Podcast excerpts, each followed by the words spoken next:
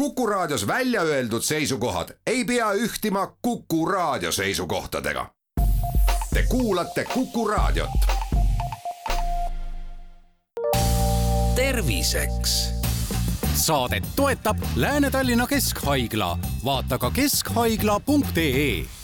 tere, head Kuku kuulajad, eetris on saade Terviseks ja kui me eilses saates rääkisime reisimeditsiinialasest nõustamisest, siis tänasel teemal jätkame. mina olen Ingela Virkus ja koos minuga on stuudios Lääne-Tallinna Keskhaigla ambulatoorse nakkuskliiniku ülemarst doktor Kersti Kink, tere taas! tervist! Millised on siis peamised terviseriskid reisimisel, et see on ju kindlasti üks selline põhiline punkt, millega te oma tööalaselt seal reisimeditsiinialase nõustamise kabinetis nii-öelda siis äh, kokku puutute?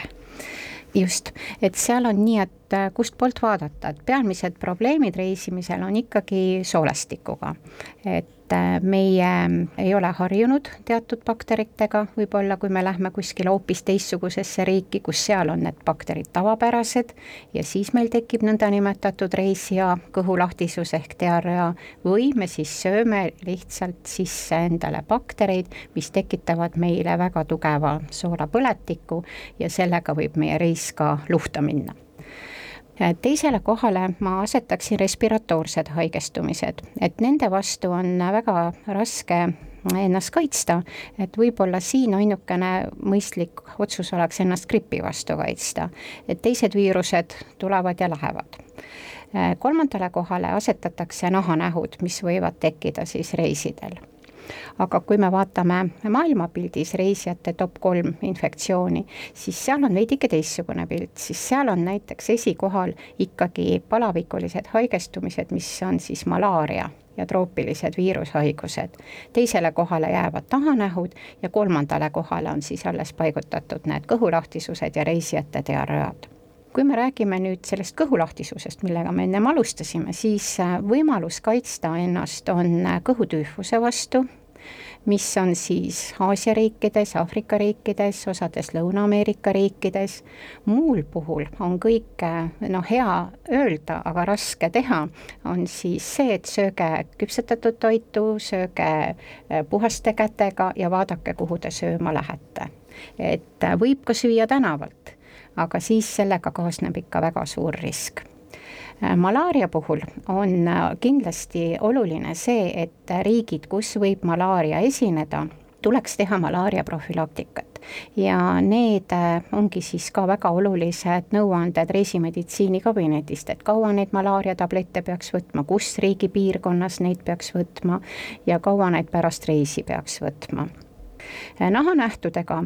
Äh, top kolmes on selline lugu, et võib-olla ma tooksin praegu ühe näite, mis on selline viimasel ajal meie nakkusarstide kabinettidesse sattunud sagedamini kui muidu, on üks selline nahahaigus nagu larva migrans, kus on tegemist siis kiutussikesega, kes ronib äh, jalataldade alla põhiliselt ja väikestel lastel on ohustatud piirkond, tuharate piirkond, kui nad istuvad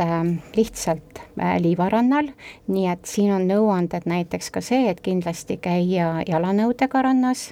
mis on siis plätud või kummikingad ja lapsed ikkagi peaks mängima tekkidel, et see on, ei ole kõikides randades, aga see on nendes randades, kus võivad olla ka loomad, koerad, kassid ja need ussid just levivadki tänu nendele ja on tekitanud siis eestlastes väga suurt probleemi, sest see on üks selline tüütu haigus, millele eriti ei ole ravi. ta uuristab jalad alla alla käike ja võtab aega paar-kolm kuud, ennem kui mööda läheb. et äh, minu soovitus on ka kindlasti see veel, et eelistada ikkagi äh, mererandu, kus on, või ookeanid, kus on ikkagi vesi soolasem ja magevee selliseid siseveekogusid vältida, et sealt tulevad kõik hädad, et mererannas plätadega kui nüüd keegi plaanib reisile minna, siis äh, Terviseamet ju, nagu me eelmises saates rääkisime ka, soovitab erinevate nakkushaiguste vältimiseks reisijatel pöörduda vähemalt neli nädalat enne reisi algust oma perearsti poole või siis reisimeditsiinikabinetti, kus saadagi sellist infot, et kuidas valmis olla erinevateks ohtudeks, terviseriskideks, et miks just neli nädalat? See oleneb siis sellest, kas äh, inimene on valmis reisile minema, et kas tal on kõik vaktsiinid tehtud, mis on vajalikud, et kui selgub mingil põhjusel, et tal ei ole veel äh, kõik vaktsiinid tehtud, siis selle kuu aja jooksul me jõuame veel teha ta täiesti äh, selles reisikõlbulikuks, et tal on kõik kaitsed olemas, et siin pööraksin tähelepanu ilmselgelt näiteks marutõvele, et kui te lähete piirkonda, kus te tahate vaktsineerida ennast marutaudi vastu, siis tuleb seda kindlasti alustada varakult, sest et kuu aega läheb aega, ennem kui need kaitsesüstid tehtud saavad. või siis näiteks äh, on teil plaanis teha mitmeid vaktsiine ja teinekord need vaktsiinid ei sobi kokku ühel ajal tegemiseks, siis me saame nad ka ilusti jaotada ära kuu aja peale, et kõik äh, kaitsed saaks õigeaegselt tehtud ja me organismile ka liiga ei teeks ja et patsient paanikasse ei läheks nendest süstidest. nii et selleks ongi see põhjus, et läbi mõelda, et kas on vaja teha midagi lisaks, võib juhtuda ka, et ei ole vaja, aga siis on ju vähemalt hea teada, et nüüd on kindel reisile minek et pööran tähelepanu siin võib-olla see üks kuu jääb väheks siis, kui on tegemist äh, noorte lastega või ütleme, noorukitega või noorte üliõpilastega, kes plaanivad välismaale minna. et et äh, seal võib isegi kauem aega minna, kui mingil põhjusel on jäänud vaktsiinid tegemata või õigel ajal või on siis olnud äh, noh, ütleme erinevad põhjused, ma neid ei lahkaks siin, aga ütleme, et vaktsiinipass ei näita seda, et tal on kaitsekehad olemas, siis on välisriikides kindlad ülikoolid ja koolid, kolledžid, kes ei, äh, nagu ei pea sellest siis kinni, et nad ootavad, et need inimesed vaktsineeriksid ennast lõpuni ja siis alles võtavad nad kooli vastu. Kui ma ei ole päris kindel, et mis vaktsiinid mul tehtud on, et need on võib-olla nii ammu tehtud, et ma võib-olla mõne vaktsiini kohta ei teagi, kas mul on tehtud see või mitte, siis teie juures saab selle info kõik kätte, et teie näete seda kusagilt? et äh, praegu on jah, Eestis hästi toredasti tehtud, on olemas äh, digitaalselt kõik vaktsiinid, meie haiglas ei ole kahjuks pikemalt kui kaks tuhat seitse aasta, aga ka see on väga hea info ja on vanadest aegadest selline tore pass nagu vaktsiinipass. et äh, seda ei maksa alahinnata, seda on sellise info jaoks hea vaadata, et seal on ka tihtipeale näha, et mis on tehtud või mis ei ole tehtud, mis on pooleli läinud, jäänud. ja võimalus on ka osade haiguste puhul teha vereanalüüse ja vaadata, kas mul on antikehad või ei ole ja siis selle põhjal edasi otsustada, et kas ma pean vaktsineerima või äkki mul on juba antikehad olemas